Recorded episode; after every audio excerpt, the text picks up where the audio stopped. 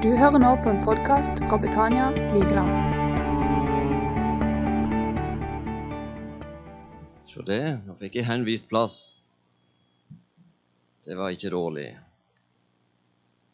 Ja, lykkelig er den som har møtt denne mannen fra Galilea, Jesus Kristus. Han er fremdeles en levende realitet.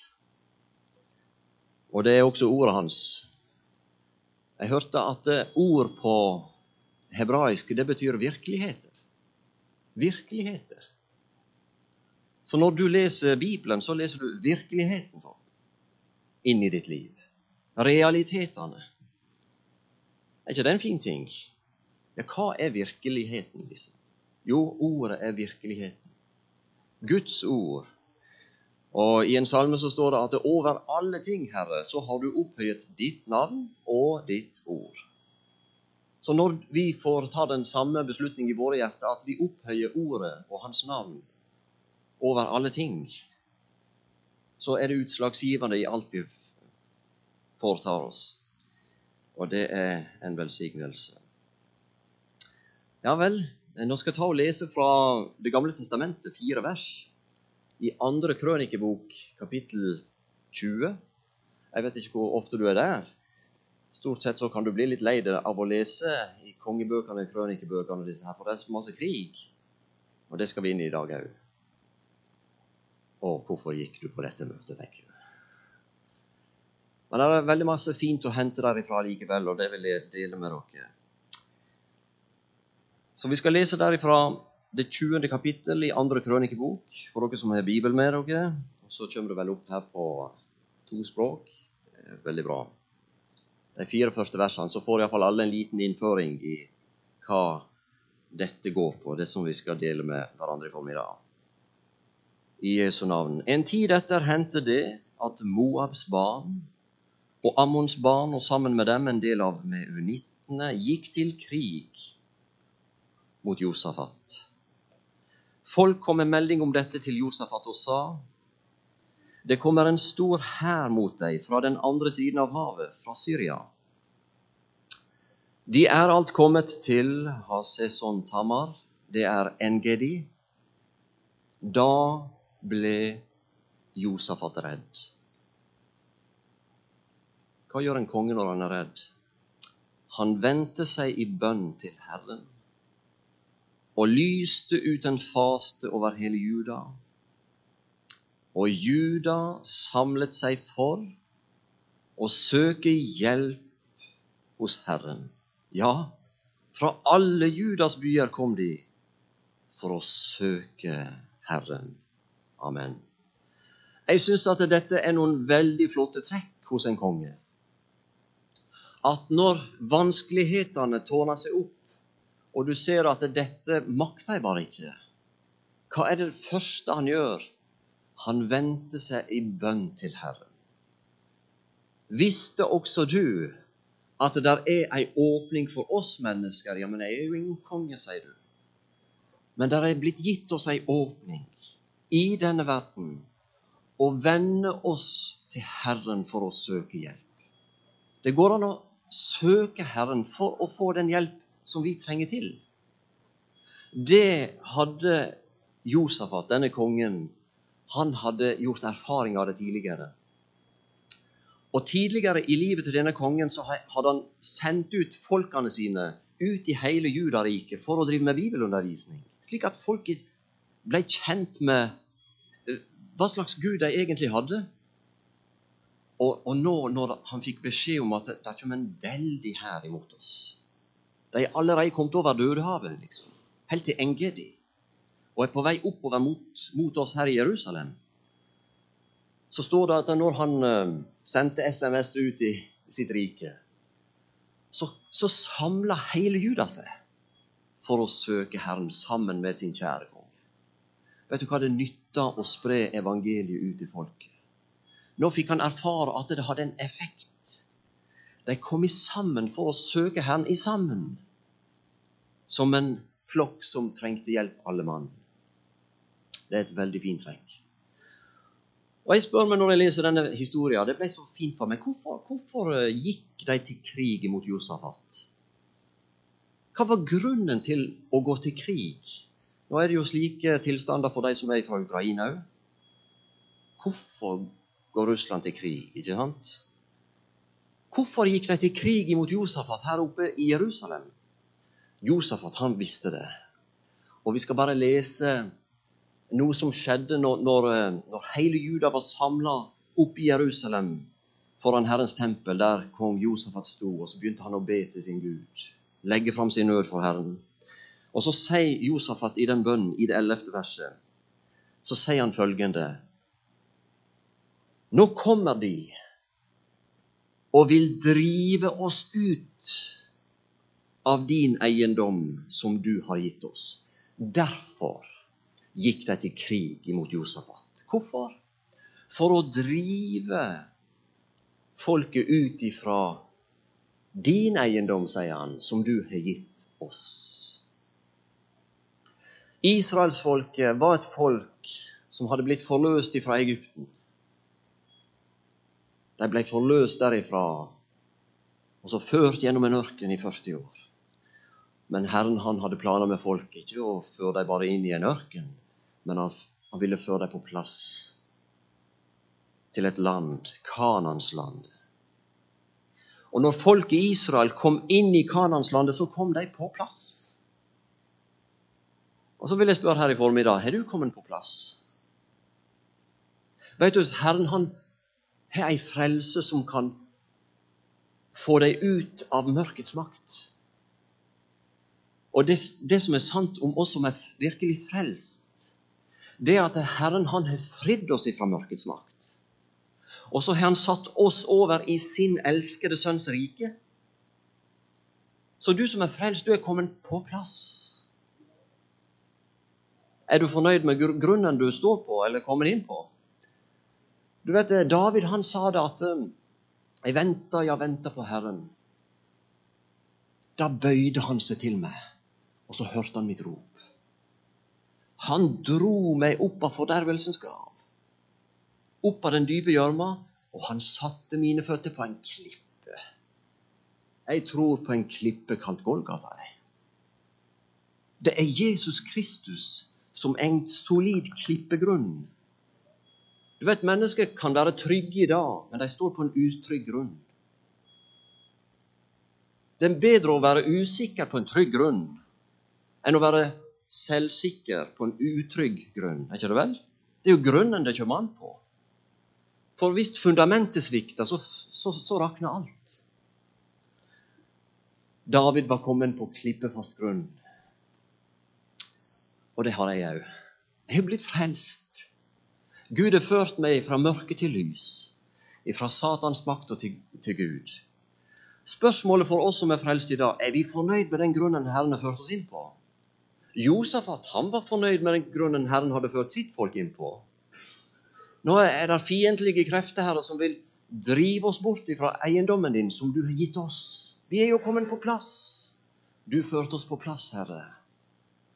Det er meninga for oss å være her. Djevelen han vil at vi skal komme oss bort fra den grunnen Herren har ført oss inn på. Jeg hørte om et ektepar som hadde kjøpt et småbruk. Og når de var på dette småbruket, så så de mer og mer ting som var negativt med dette småbruket. Og mannen snakket småbruket ned, og kona smak, smakte, snakket småbruket ned. Og til slutt så ble det der ei sånn negativ stemning og holdning pga. dette småbruket de hadde kjøpt. Og Så sier han mannen, du vet du hva, nå ringer en megler. Vi tar og selger hele røkla. Orker ikke å bo her lenger. Ja, gjør det, sa hun. Og Så kom der en megler. Og når han kom til, til tuns der, så gjorde han sine betraktninger, og han, han eh, noterte opp og det ene med det andre, og spurte og gravde og alt dette her. Og så sa han det som så at um, nå reiser jeg tilbake til kontoret. Og så utformer jeg ei annonse som, som, skal inn i avisa. Men før jeg setter det inn i avisa, så ringer jeg opp igjen og hører om det er greit, det som er skrevet. Ja, det er greit. Så forlot megleren han, og så han, gikk, der, gikk der ei tid, gikk noen dager. Så ringte megleren opp igjen. Mannen tok telefonen og sa hallo. Ja, nå vil du høre åssen det blir i avisa. Ja, kom med det, sa han. Og så begynte megleren å legge ut. Jo, denne eiendommen den var så så stor. Den lå veldig idyllisk til. Det var solrik, det var sol fra morgen til kveld. Det var fiskerett i vannet, det var jaktterreng. Det var alt mulig, og denne mannen han hørte. Hørte på argument etter argument på det han hadde. Og til slutt så sa han det at du, du må aldri sette annonser inn i avisa. Det er jo ei slik tomt vi har vært på jakt etter hele vårt liv. Da snudde hele tankegangen. Hva var det som skjedde? Han så verdien i den grunnen han hadde. Vet du hva jeg tror av og til når det gjelder Guds folk? Ser du verdien av å være frelst? Hvilken grunn du er kommet inn på? Betyr det virkelig noe for deg? At han har ført deg inn på sikker grunn for ditt liv. At det er det som virkelig er nummer én i ditt liv. Eller er det alle mulige andre ting, og så ja, er ikke det bare ei selvfølge, liksom? Og så blir vi så på en måte så, så, så overfladiske når det gjelder denne tingen her. Josafat, han visste at hele meninga med mitt liv det er å være på den grunnen Herren har ført oss inn på. Herre, nå ser du, her kommer fiendtlige krefter og vil drive oss bort fra eiendommen din som du har gitt oss. Det er samme problemstillinga i Israel den dag i dag, faktisk. Det er fiender som vil ha dem på havet. Men Herren han fører folket sitt tilbake. Det jødiske folk skal tilbake til landet sitt, slik som det står i Guds ord. Ja, Åssen gikk det, da? Så sier han til slutten av denne bønnen han sier det slik.: Du, vår Gud, vil du ikke holde dom over dem? For vi har ikke styrke nok til å stå imot denne store hæren som kommer mot oss. Og vi vet ikke hva vi skal gjøre. Jeg skulle ønske noe av vårt folk kan komme på et nullpunkt, slik denne kongen uttrykker det. Vi har ikke styrke nok, og vi vet ikke hva vi skal gjøre. Men så sier han, 'Men til deg er våre øyne vendt'. Vi vet hva vi skal vende oss i nøden. Når vi er kommet på et nullpunkt i vårt liv, så er det du, Herre. Som jeg sa i stad, vi har tre barn hjemme. Eller de er forresten ikke hjemme. De flytta ut. Men vi har en katt hjemme. Han har ikke flytta ut. Han har flytta inn. Vet du hva? På nattestid så er han ute. Men hver morgen når jeg står opp, så står han ut forbi, lurer på når det blir liv i huset. Og Så går jeg til verandadøra og åpner den, og han smetter inn. Og med en gang han er kommet inn på innsida av døra, vet du hva han gjør da? Så kikker han. Han ser ikke på beina mine. Jeg vet ikke åssen kattene på Vigeland er. Men han, han finner blikkontakt. Til meg er hans øyne vendt. Til meg er hans øyne vendt. Hva er det han vil? Jeg vet hva han vil. Det er nærmest ei bønn han har. Mat. Og så leder jeg han ut til vaskerommet. Der står katteskåla. Og den er tom. Og så kikker han på meg igjen. Mjau. Ja, til meg er hans øyne vendt. Og med en gang jeg tar en, ei ause med kattemat og oppi skåla hans, så forsvinner blikket fra meg og rett i maten. Ja. Sånn er min katt. Det er utrolig hva jeg har. Eh? Vet du hva? Det å vende sitt blikk imot himmelen, det å forvente at det skal komme hjelp derifra. Slik var det med Josafat. Og mens alle der i Juda er samla i Jerusalem for å søke Herren i bønn, dette vanskelige som nå er på trappene, så står det at Herrens ånd falt over en levitt som heter Jahasiel. Og Så fikk han et budskap, og så sto han fram og så sa han følgende.: Hør etter, hele Juda og dere Jerusalems innbyggere, og du kong Josafat. Så sier Herren til dere, frykt ikke. Jeg vil si til oss som er frelst Det kan hende at vi møter ting som er vanskelig for oss. Det er ikke noe nyttig. Ikke tenk om deg sjøl at det som jeg opplever, det har ingen opplevd før. Ikke tenk sånn. Vi møter så forskjellige ting. Spørsmålet er åssen tar vi det vi møter? Gud ga oss ikke fryktens hånd, motløshetens hånd, men han ga oss kraft, kjærlighet og sindighetsånd. Så det er noe med hvor vi velger å vende blikket vårt i situasjonen. Nå kommer et budskap direkte fra himmelen, fra Herrens ånd. Frykt ikke. Denne store hæren, ja, det, det som er det store problemet, han er så svær. Denne store hæren skal dere ikke være redde for, for denne krigen er ikke deres, men Guds. Nå er ikke det slik med alle kriger at det er Guds kriger, men denne krigen, den som handler om å, at fienden vil jage bort Guds folk fra den grunnen Gud har ført deg inn på, det er Guds krig. Det er ikke dra ned mot dem i morgen, står det. Gud vil av og til at vi skal møte det vi frykter. Ja, men det er skummelt. Men så sier han det er ikke dere som skal kjempe her. Dere skal bare stille dere opp og stå og se den frelse Herren vil gi dere. Dere fra Juda og Jerusalem, frykt ikke og vær ikke redd. Dra ut mot dem i morgen, og Herren skal være med dere. Så det var budskapet. Det er godt med gode ord. Men vet du hva? Gode ord de får ingen effekt for oss hvis ikke vi tror det.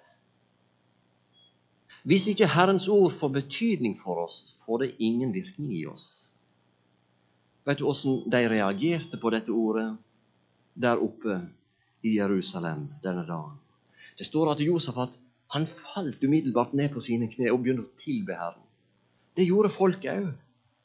Og så står det om noen levitter som reiste seg og begynte å prise Herren ja, men hva er dere så glade for? Vet dere, vet dere ikke at denne store hæren er i ferd med å nærme seg?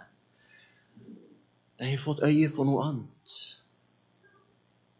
Der er noe som heter tro.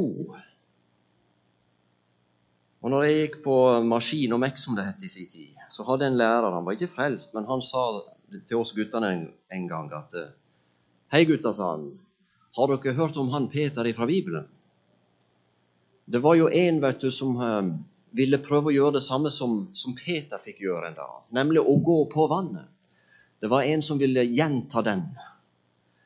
Og så gikk han ned til et vann, og så begynte han å piske seg sjøl opp. 'Jeg trur, jeg trur, jeg trur', sa han. Og så skulle han til å gå på vannet, men med en gang han gikk ut i vannet, så gikk han gjennom. Men han ga seg ikke, vet du. 'Jeg trur'. Jeg tror, jeg tror. Og så gikk han videre med, men vannet ga jo etter hver gang. Og til slutt så kom han så langt ut at han Jeg tror jeg snur, sa han. Ja. Men hva var det han trodde? Han trodde på sin egen tro. Men det er ikke bibelsk tro. Du, Der er noe som seirer over denne verden, og det er vår tro, står det. Men hva betyr det? Det er ikke å tro på sin tro. Det er han du tror på.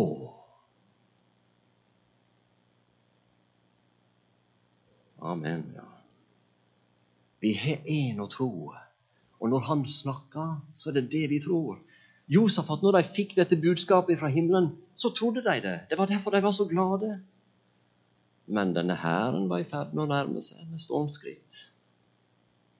Men nå hadde de noe å feste sin tro til. Et ord vi bes om å ikke vandre i beskuelse, men i tro. Ja vel. Neste morgen så sto de opp tidlig. Så står det at Josafat han sa til dem Tro på Herren deres Gud, så skal dere holde stand. Og tro på Hans profeter, så skal dere ha lykken med dere. Og så stilte han opp altså et tog, nærmest som et 17. mai-tog. Og de som sto først i toget, det var noen sangere.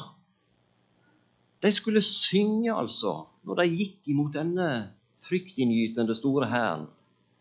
Og så kom de væpna mennene bak. Og de som sang, de sang en sang. Og denne sangen er ganske enkel.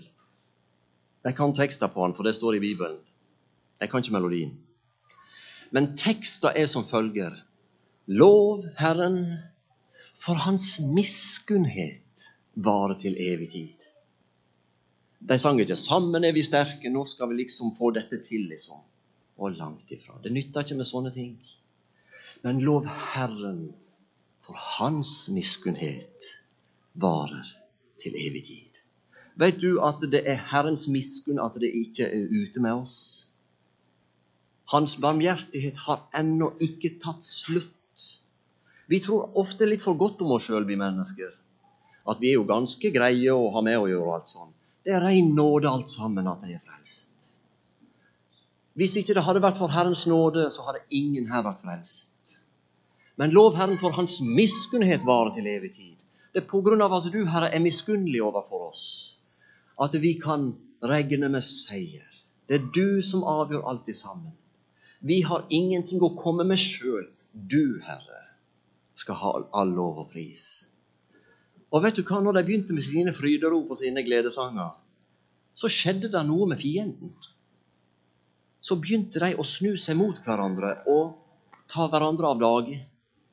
Og når da hele Josafat sin hær kom fram til denne forhøyninga der de fikk se utover ørkenen, så så de bare døde mennesker, døde kropper. Og så var det plyndring. I tre dager holdt de på å plyndre. Og den fjerde dagen samla de seg i lovprisningsdag. For de, Herren hadde gitt dem den glede og seier over sine fiender. Alt sammen et Herrens verk. Disse fiendene som gikk imot deg Jeg skal bare si bitte grann mot slutten. Ammonittene, står det. Vet du hva de representerer? De representerer ei innstilling. En ammonitt det er en som alltid drar Guds ord i tvil. Vet du hva? I våre menigheter så er det mange som drar Guds ord i tvil. Har Gud virkelig sagt det sånn? Ja, men han, ja, men han har ikke ment det sånn. De representerer en vantroens ånd. Og våre menigheter har flust opp av det. Vi tror ikke det ordet. Det, vet du hva Bibelen sier? Det skal komme et stort frafall, og det er allerede begynt frafall ifra troen på ordet. Det ser vi rundt oss. Vi tar ikke ordet som det står. Og vet du hva en ammonitt han vil forsøke å fjerne oss ifra den grunnen Herren har ført oss inn på? Slik at vi står med usikkerhet og tvil tilbake igjen. Og et lamma bytte som djevelen herser med. Det ønsker en ammonitt å gjøre med oss. Dette, dette folket fra Seirlandet, det er edomittene. Edom, han, Esau som han heter, tvillingbror til Jakob. Der står en karakteristikk av han i Amos 1,11 at han, han holdt stadig fast ved sin harme. Han kvalte sin barmhjertighet, står det. Se for deg at hvis det dukker opp en tanke i ditt liv det mennesket bør jeg vise barmhjertighet imot. Men med en gang den tanken dukker opp hos deg, så tar du kvelertak på den tanken. Slik at du aldri gir ham pusterom. Du holder heller fast ved din harme og vred. Den representerer en uforsonlig ånd. En utilgivelig ånd. Vet du hva? Det er en del fiender som er i ferd med å få oss bort ifra grunnen, folkens. Er du observant på hva som ødelegger Guds menighet i vår tid? Utilgivelig ånd. Uforsonlig. Måtte Herren få vise oss fiendene. Vise oss rikdommen i den grunnen vi er kommet inn på, så vi avviser vantroen, kjødeligheten utilgivelig bitterhet, slik at vi ikke blir rokka ifra grunnen vår, som Herren har ført oss inn på. Han vil nemlig sørge for at vi skal få være der Han har ført oss inn på, så vi kan love å prise Han. Så vi er et klart lys i denne siste tid. Jeg tror ikke det er lenge før Herren kommer. Og når Han skal komme, så skal jeg glede meg. For når jeg skal se han, så blir jeg totalforvandla. Det er kona mi som klipper håret mitt. Hun sier 'du blir grå nå, Vidar'.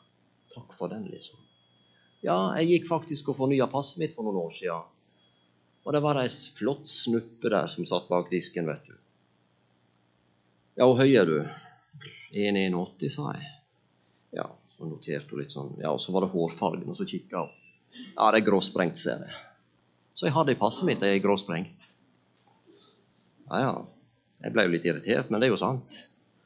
Sånn er det. Men en dag, du, så skal det bli ship shape. Dere ser nå versjon én av Vidar. Men eh, den eh, virkelige versjonen av Vidar, den ligger og venter på meg i det himmelske. Jeg skal bli overkledd med min himmelske bolig fra himmelen. Og da blir det andre boller. Da får jeg det legemet som Jesus fikk i oppstandelsen. Udødelig, uforgjengelig, ny. Du, Vi har noe å se fram til, vi som er frelst. Det er dette som er det levende håp, folkens. Må ingen fiender ødelegge for oss nå i innspurten, slik at vi grunnfester oss enda mer. Og leste du jo hun som innleder her. Rotfesta, grunnfesta. Rotfesta og grunnfesta kjærlighet. Kjenne kjærligheten så kan vi be til Han. Vern oss, Herre. Du kan gjøre mer enn alt, langt utover det vi ber eller forstår. Gud er mektig. Han er mektig. Og Gud velsigne dere. Herre Jesus, nå takker deg for at du lever, Herre. Du var død, men se, du er levende i all evighet. Og du er den som er, og som var, og som kommer. Vi priser deg, Jesus. Vi forventer din snare gjenkomst. Takk, Herre, for at du vil at alle skal bli frelst og komme til sannhetens erkjennelse. Det er mange som vil ha frelsen uten å erkjenne sannheten, men det går ikke fra de side sett, Herre. Du vil gi oss omvendelse ifra det som ikke er som det skal være, Herre. Hjelp oss til å lytte til ditt ord, være som Josafat, Herre, legge kortene framfor deg og si 'Jeg har ikke styrke, og jeg vet ikke. Men du, Herre, til deg er våre øyne vendt. Vi forventer all vår assistanse ovenifra. Du må vise veien. Du er veien. Du er sannheten. Du er livet. Og takk, Jesus, at du vil at alle skal bli frelst. Herre, må menigheten på Betania også få være et lys for deg, Herre Jesus, slik at de kan lyse andre inn til den trygge havna som ditt ord er. Din person, Jesus. Du er uslåelig. Vi priser deg, Herre. Takk og lov i Jesu navn. Amen.